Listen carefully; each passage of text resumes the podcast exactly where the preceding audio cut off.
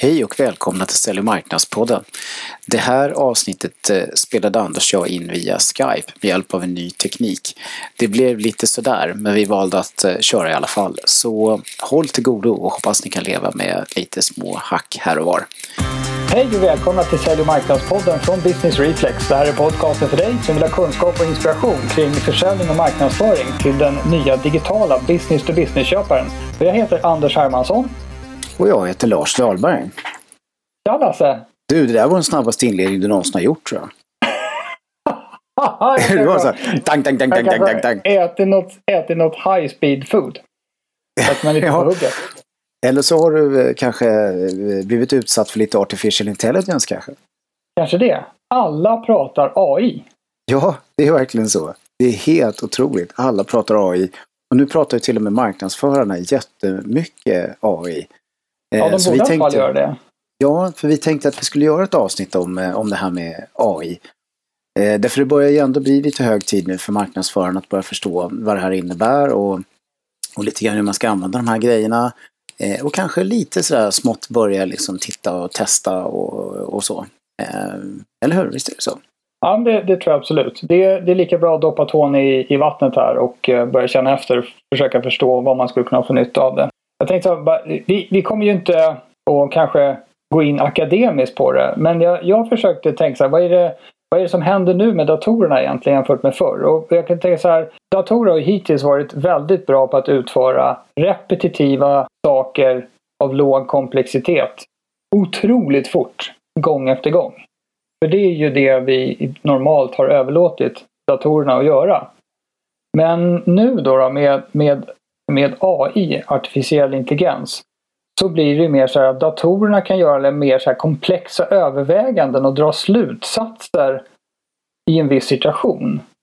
Och det är ju sånt där som vi tjänstemän sitter och gör på kontoren hela dagen och tycker att vi är jätteviktiga när vi gör. Mm, precis. Så att, eh, ja, så det där är ju det som datorerna då kommer att göra mycket bättre än oss eh, så småningom. Eh, men i alla fall, där har vi liksom skillnaden på det här. Och det gör ju att man det kommer ju upp en otrolig massa nya tillämpningar där datorer kan vara till nytta jämfört med det man har varit van vid sedan datorns födelse ungefär. Mm. Och jag tror också att man, eh, eh ni som lyssnar på det här avsnittet ska ju också vara medvetna om att det är klart det finns grejer som man kan göra med AI inom marknadsföring och försäljning och så idag som vi kommer att dra exempel på under det här avsnittet. Men det är ju fortfarande väldigt mycket i sin linda och eh, relativt, eh, relativt enkla saker i förhållande till vad det kommer att kunna bli eh, längre fram eh, när den här utvecklingen rullar på. Eh, och jag, jag, tycker också lite grann att det är väldigt hypat. Eh, man behöver inte känna sig toknervös här. Eh, och det är inte så att det finns eh, eh, jättehäftiga, jättefantastiska saker ännu. Utan det är rätt mycket i sin linda. Ja, nej, men det är ju superhett ur man säger riskkapitalperspektiv. Det gör ju att varenda liten startup säger att de har AI. Det har liksom gått inflation i begreppet. Vilket jag tror att de som har hållit på med det här länge, för det är ett gammalt forskningsområde, de är ju klart sura på hur så att säga, populärt begreppet har blivit. Men jag tycker att det borde de ju inte vara. De borde ju vara glada om att, att deras område blir uppmärksammat. Men, men som sagt, det har gått inflation i hela begreppet då. Ja, och vi, vi har ju faktiskt nöjt att jobba med flera av de här bolagen som eh, ligger väldigt långt framme och gör eh, en hel del väldigt, eh, väldigt avancerat AI. Eh, och det är ju det är intressant att se ändå när man jämför kanske dem med eh, mycket annat då som dyker upp som kallar sig för AI. Ja, eh, ja som sagt, det, det, det, man behöver inte ens ge sig in på, på i debatten. Det finns nya programvaror som är, fungerar på lite annorlunda sätt jämfört med förut. Och det finns ju massa termer. Deep ja. learning, machine learning, neurala nätverk och som IBM kallar hela domänen för, cognitive computing. Och jag, jag, är inte mannen att skilja de här olika sakerna åt. Jag bara konstaterar att de som nördar ner sig i det här, de, de uh, gillar att slänga sig med de olika begreppen i alla fall. Ja, och som vanligt är det också så att sådana här begrepp eh, glider ihop eh, och det är olika människor använder olika begrepp för i princip samma sak och sådär. Mm. Men det är bra att veta att alla de här grejerna faller under begreppet AI, i alla fall normalt sett, när man pratar om AI. Ja, datorer som lär sig saker själva. Det kan man säga.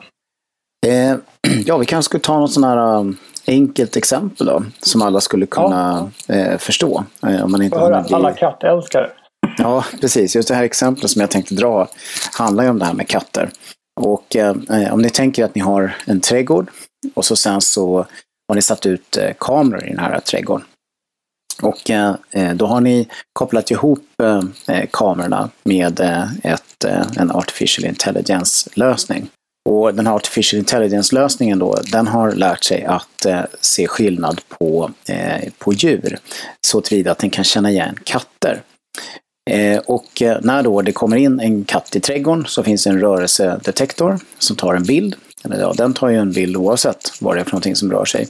Den här bilden skickas till den här datorn i molnet. Eh, den försöker identifiera om det är en katt. Och eh, tror den att det är en katt så slår den på sprinklersystemet. Det är artificial intelligence i en relativt enkel form.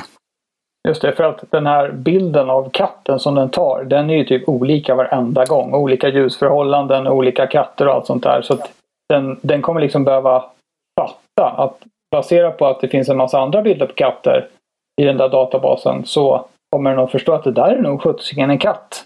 Mm. Och då, det är det, det som är då det intelligenta. Ja. Och i det här exemplet då, eh, just det här exemplet är ett verkligt exempel på, på en liten lösning som någon har satt ihop med inte allt för mycket möda och energi om man har rätt koll på verktygen och vet hur man ska göra. Eh, eh, är ju ändå så att det tog ett tag, eller tar ett tag innan det, det får tillräckligt hög träffsäkerhet.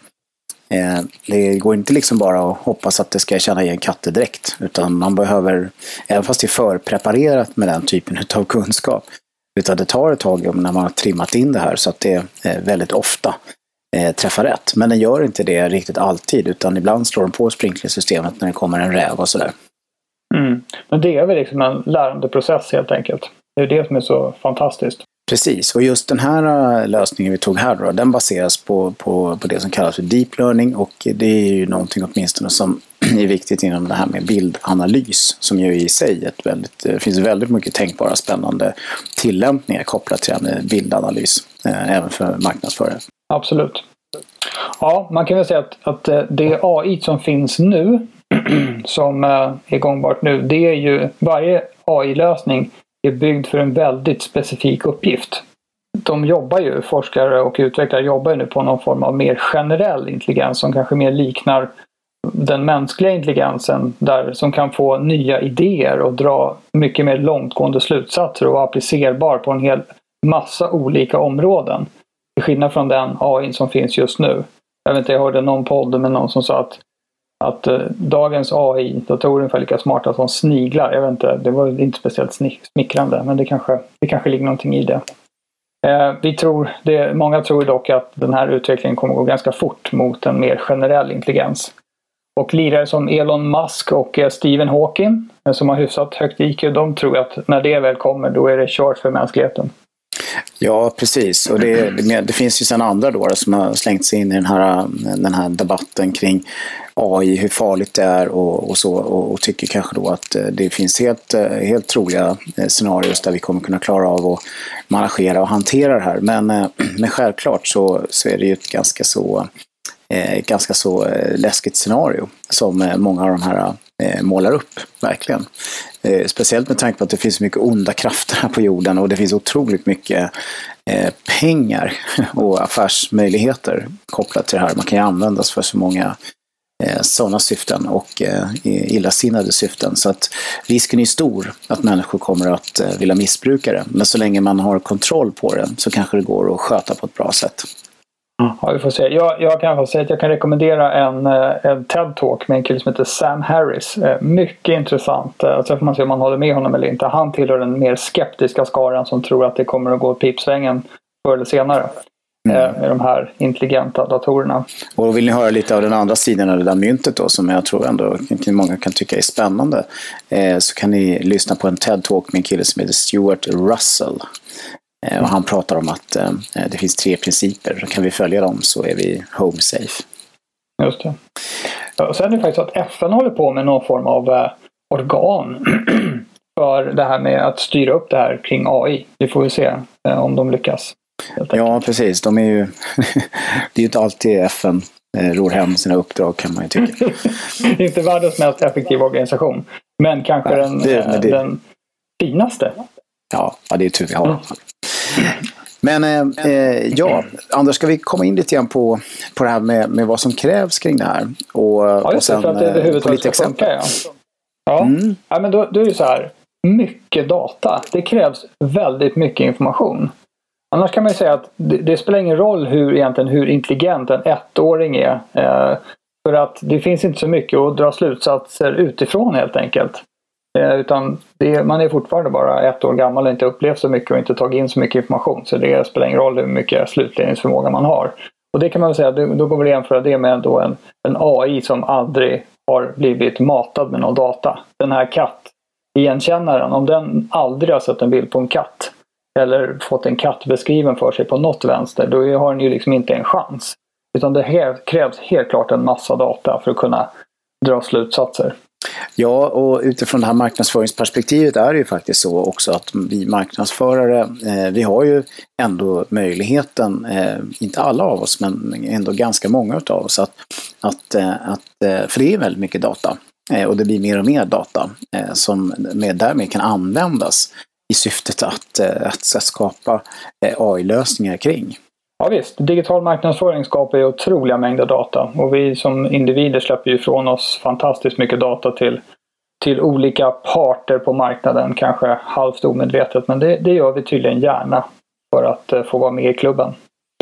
Ja, och jag tror att ska man ha en realistisk bild av det här nu då, då som, som eh, marknadsförare så är det ju så att det, det är inte så kanske att man eh, kopplar upp sig på en AI-motor och, och sätter igång och utvecklar sin egen lilla lösning för att känna igen någonting eller göra någonting. Utan eh, det är ju mer så att man skaffar sig verktyg på olika sätt som i sin tur använder AI. Eh, så att det blir som indirekt att man använder AI kopplat till kanske programvaror man redan använder idag som får det här eh, möjligheten utvecklad i sig.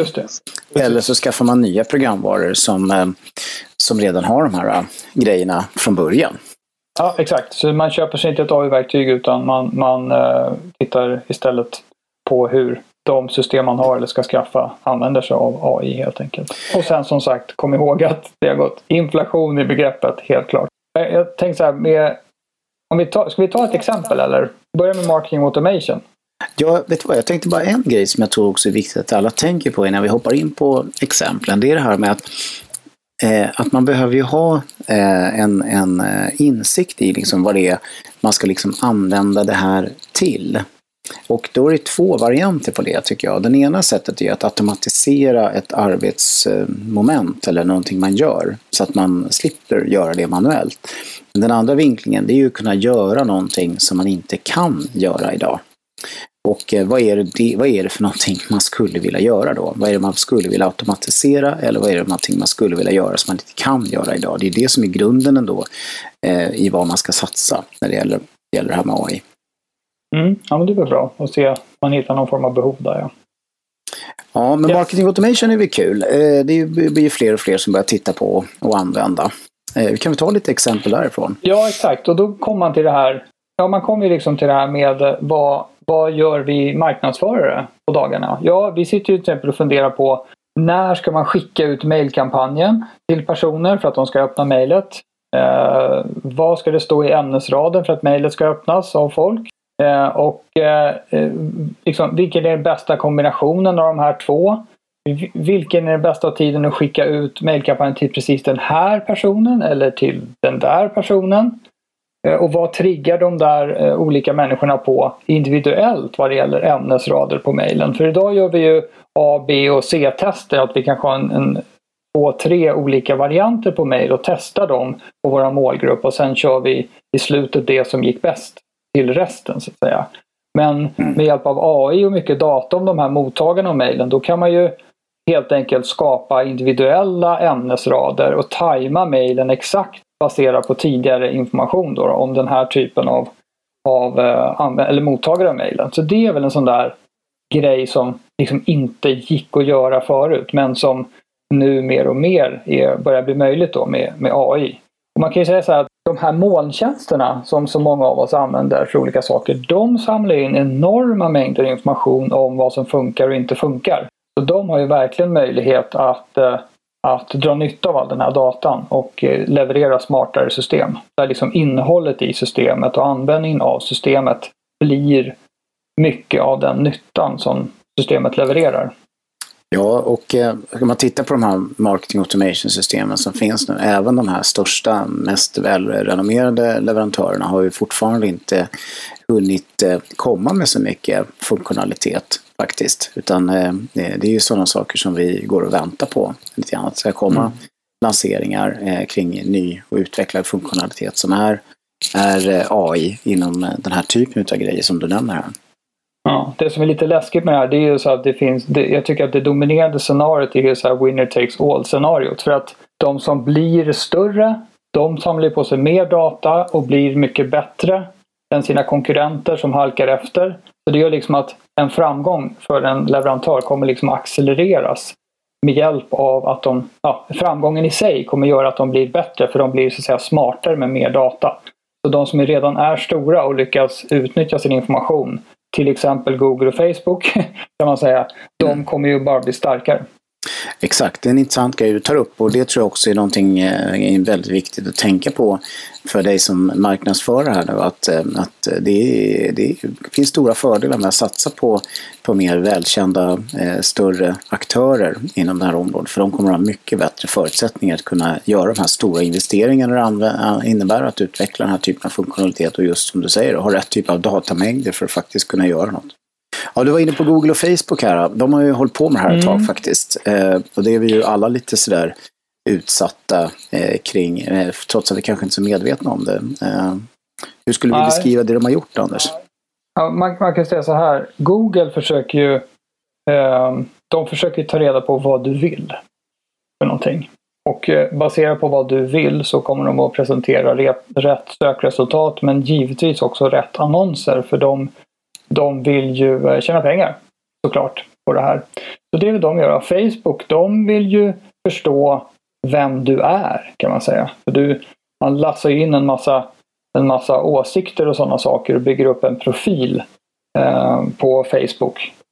Eh, så de vill ju veta mer om individen i sig.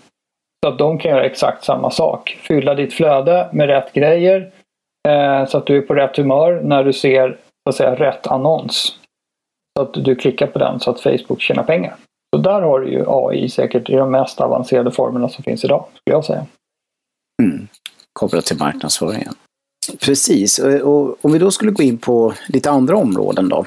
Eh, så eh, ett område som kanske inte är så, så tippat faktiskt att man eh, ska använda det här inom, men det, det görs faktiskt, det är det här med vad ska vi skriva om? Vad ska vi, vad ska vi liksom skapa content kring? Det finns en mm. leverantör där som utvecklar ett system som heter Bazumo. Eh, mm. Du har kikat lite grann på det, Anders. Vad är det det gör egentligen? Egentligen så, så kollar det runt och tittar på det mest delade contentet kan man säga. De mest delade inläggen i sociala medier. Så man kan liksom, av, utav det så får man ju då, tycker jag, en ganska bra faktabaserat underlag på vad det är som triggar folk och vad det är som får folk att dela. Så kan man ju bli inspirerad av det när man ska skapa nytt content eh, i de här kanalerna helt enkelt. Så det gör Bazumo. Mm. Men egentligen om vi ska vara riktigt ärliga så är inte det här så jättemycket eh, avancerad AI som jag uppfattar det i alla fall. Eh, det touchar in på, på det här med AI kanske men, men ändå inte så Nej, jätte... och räkna likes på en post, det känns inte som det är jätte-AI. Men de kanske gör något annat mystiskt också som vi inte har kommit på ännu. Precis. Eh, och sen det här som jag känns, känns väldigt otippat, det är, det är att skriva content. Och eh, det finns ju, eh, finns ju lösningar på det också, eh, som är AI-baserade.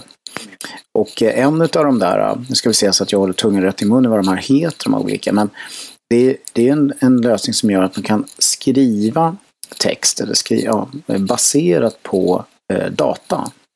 det är bland annat mm. det här med sportnotiser. Va? Där det kommer in liksom resultat och så är det olika fakta helt enkelt. Och så baserat på det då så genereras helt enkelt eh, eh nyhetsnotiser eh, kring det här. De heter Automated Insight, eh, leverantörer. Precis, så nyhetsbyrån AP de har ju automatiserat sina, sina nyhetsnotiser. Där satt ju journalister förut och knåpade ihop liksom en liten snutt text om eh, den ena baseballmatchen efter den andra. Och nu har de så här i den här minor League Baseball, där, där kör de liksom automatgenererad text. Och det är sån här natural language processing då, så det, är, det, är in, det ser inte ut som en databas utan det är små nyhetsnotiser eh, som ser ut som att en journalist har skrivit dem men det är inte en mänsklig hand som har rört vid, vid det där helt enkelt. Mm. Och det finns en hel konferens också eh, i USA som går varje år som heter Intelligent eh, eh, Content Conference tror jag den heter. Och eh, där pratar man ju mer och mer om det här med, med AI kopplat till att, att skapa content eh, på olika mm. sätt. och att eh, det finns väldigt mycket eh, mycket olika eh, tänkbara tillämpningar kring det här. För att, eh, och det handlar det kanske framförallt om att inte skapa så mycket nya värden men, men att effektivisera hela den här contentskapande processen eh, med hjälp av AI. Ja, det blir, alltså jag tänker hela tiden på hur fånigt det kommer bli när hela systemet kommer i självsvängning för att man har bottar som skapar content. Sen har man andra bottar i andra änden som läser content och kanske svarar på tweets och sådana här saker. Så kan de där hålla på för sig själva. kan vi gå på lunch. ja, men det är som med allting. Det är, det är, man kan ju automatisera sönder saker och ting här och den, den risken ja. är ju rätt uppenbar faktiskt i många fall. Ja, det så det gäller att hålla så. tungan rätt i mun här. ja. Men vi är inte där ännu riktigt utan eh, det är fortfarande relativt enkla tillämpningar. Men man ska ändå ha respekt för det, för det går ju att spara eh, väldigt mycket tid, även fast de här sakerna är inte så avancerade. Så är det. Vad har vi sagt? Ja. Presentera innehåll på webben, personalisera webben. Ja. Det är också någon sån här grej som man kan känna eh, kanske skulle vara lite mer naturligt. Och eh, det finns ett svenskt eh, företag, eh, jag har faktiskt själv varit lite inblandad i att eh, implementera det här hos, eh, eh hos en av våra eh, kunder. De heter Red Pine. Eh, det finns lite olika företagsföreteelser som heter det, men det är www.redpine.se. Och det funkar som så att man, man har en del av sin Wordpress-sajt och så tilldelar man eh, en yta på den här Wordpress-sajten som Redpine ska kunna styra. Eh, och eh, den här ytan kan du sedan dela in då i olika informationsdelar. Så att säga att du har tre olika informations widgets här, eller informationsfönster i den här ytan. Och sen så kopplar man ihop den här ytan då med Redpine som är en, en, en molntjänst en AI-molntjänst. Och så tankar man in grunddata in i den först. Eh, och eh, sen så, så blir det ju som så då att den får ju historiskt beteendedata eh, när människor är på webben och eh, gör olika saker. Eh, och sen så när man kommer in på webben igen får man ju aktuellt beteendedata. Och då kan den helt enkelt eh, baserat på grunddata och historiskt beteendedata och det aktuella beteendet som man har på sajten eh, anpassa helt enkelt vad det är för någonting som visas för en viss given person som är där. Eh, och det, är ju, det, det, funkar, min upplevelse av det här så här långt är att, att eh, det faktiskt fungerar. Eh, ett sätt att öka så att säga, konvertering på, eh, att öka liksom, klickbeteende på, eh, för att man presenterar eh, liksom, då mer relevant innehåll helt enkelt beroende på, beroende på vem man är. Okej, okay, men då måste man ha mycket innehåll att välja på, eller? Ja, och så är det ju såklart att man måste ju bestämma sig då eh, i den här ytan vilka olika informationsgrejer eh, som ska kunna visas, som Red ska kunna visas. Mm. Eh, och hur det så att säga ska visas beroende på liksom, beteendemönster helt enkelt. Just det. Ja, det finns, ja, det finns mycket kvar att bevisa kan jag känna här, men, men det, det funkar i alla fall i, i, i, i, i någon sorts grund, grundlösning åtminstone. Det har jag sett med egna ögon här nu. Så. Ja, coolt. Ja. Eh, ja, just det. Sen har vi det där med att skapa annonser. Alltså vad ska stå i Google-annonsen eller Facebook-annonsen? Och där vet jag att Facebook redan kom med förslag om vad som borde stå i annonsen. Nu vet inte jag hur AI är beroende, liksom, ska det, beroende på om din målgrupp är riskavert eller inte. Så hur ska jag då utforma min annons? Det kommer säkert. Eh, och eh, man tänker att om man har väldigt stort produktsortiment så kan man ju få dynamiska annonser. Men jag tänker också att om man har en väldigt stor målgrupp så borde man på sikt kunna få annonser som kanske du vet, trycker på låg risk kontra hög vinst beroende på vem det är som eh, råkar gå in på Facebook. Man kan ju mm. sälja samma produkt med olika argument beroende på vem som, vem som kommer in där. Det, det tror inte jag är långt bort alls. Nej. Nej, och eh, apropå det här med att skapa content, det vi touchar på till att börja med och handlar framförallt om texter. Men eh, eh, det finns faktiskt lösningar redan nu då som kan hjälpa ändå när man ska rita saker. Eh, det finns något som heter Autodraw. Eh, en ganska enkel liten eh, AI-tillämpning där man själv liksom skissar en, en sak.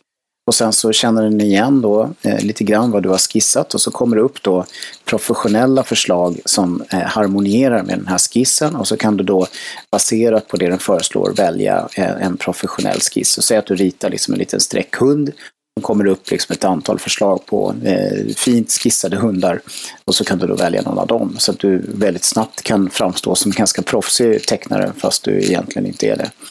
Mm. Eh, ja, här, mm, lite små, eh, småsnyggt. Jag har provat det lite alltså, kort. Det får man inte göra för det är ljug. ja. ja, sen, har vi, sen har vi det här med eh, att hålla koll på vilka content som gäller inom en visst ämne. Och då finns det en tjänst som jag använt för flera år sedan som heter Spoopit.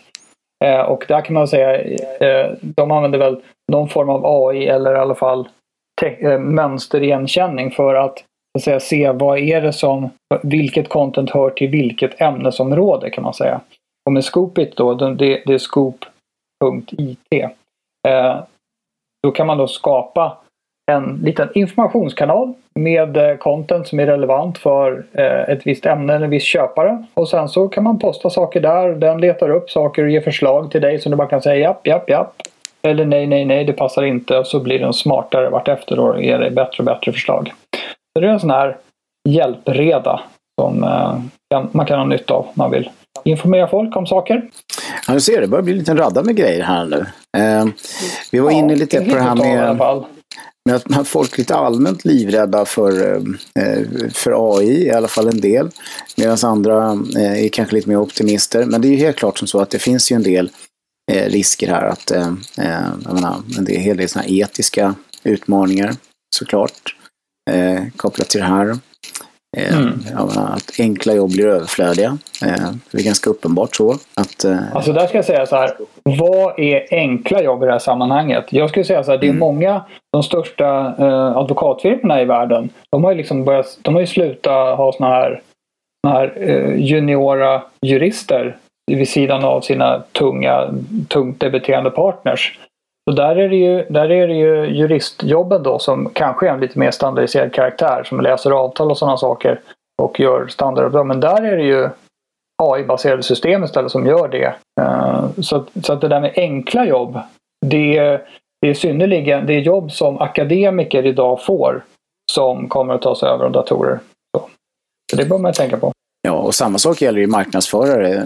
Mycket av det marknadsför, digitala marknadsförare gör idag är ju inte speciellt enkelt.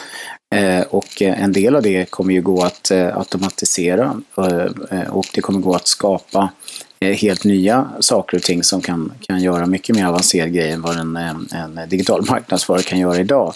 Men någonstans ja. är det så också att behovet av att kunna göra betydligt mer avancerade, komplexa grejer och eh, att, att hantera väldigt mycket mer olika typer av administrativa uppgifter kommer att öka väldigt, väldigt mycket. Så klarar vi inte mm. av att använda AI för att få till det här, då kommer vi liksom inte kunna föra liksom, digital marknadsföring framåt i den takt som kommer behövas. Eh, tror jag. Så jag tror att vi kan sitta ganska lugnt i båten om vi verkligen är på det här och med i det här och ser möjligheterna här och är beredda att, att lära oss och förstå hur vi ska nyttja det här på, på bästa sätt. Ja, det tror jag. Det, ligger, det, är som det är fullt i nivå med när datorerna kom. Om man skulle säga att jag tror inte på datorer så vi struntade i det i mitt företag.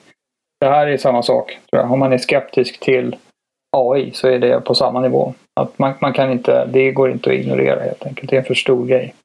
Ja, precis.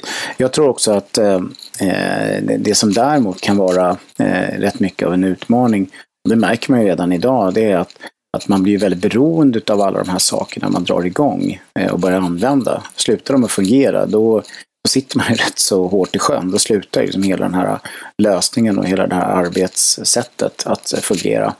Och det, det, är klart, det blir ju rätt stor frustration. Så det kommer ju verkligen ställa krav på kvalitet och, och på säkerhet och, och, och, på sådana saker kring alla de lösningar man implementerar. Annars kan vi skapa mm. sig jättestora problem ganska snabbt. Eh, som så. kan få stora mm. konsekvenser när det, när det inte funkar om man säger så. Ja. Ja, ska vi knyta ihop säcken tycker du? Ja, det ska vi väl göra tycker jag. Ja, men uh, vi, vi, har ju sagt det förut i podden att börja, börja hålla koll på vad dina systemleverantörer, eh, eh, dina marknadsföringspartners har att säga om AI. Vad de, eh, om de har koll på läget och om du själv kan lära dig någonting av dina leverantörer och givetvis att genom att surfa runt på på webben och läsa på om det här. För det är ett, det är ett område som är stort och som utvecklas snabbt. Ja, jag tror att det allra enklaste det är ju att man eh, testar det här kopplat till något verktyg som man redan har när de börjar komma med funktionalitet. Eh, men kanske också att man tittar på något verktyg som redan finns, kanske något av dem vi har nämnt eller andra och provar det lite grann eh, i syftet att, att lära sig för att få en bättre känsla för för vad som krävs och hur det funkar och, och lite grann vilka resultat man kanske kan förvänta sig också. De är inte så mm. dyra många av de här tjänsterna faktiskt som man kan, kan köpa som har AI inbyggt i sig. Det ja, vad bra. Det då. Ja, jag tänkte faktiskt att, eh, att jag skulle försöka tota ihop här eh, en liten lista på, på en del av de här exemplen som vi har tagit upp och kanske några andra också i, eh, i det här bloggavsnittet, bloggen, bloggposten som går ut ihop med det här poddavsnittet. Ja, så att titta där så får ni kanske lite inspiration. Ja, och som vi brukar säga, om inte de stora arga elaka AI-datorerna ska komma och ta er så ska ni vara relevanta. relevanta.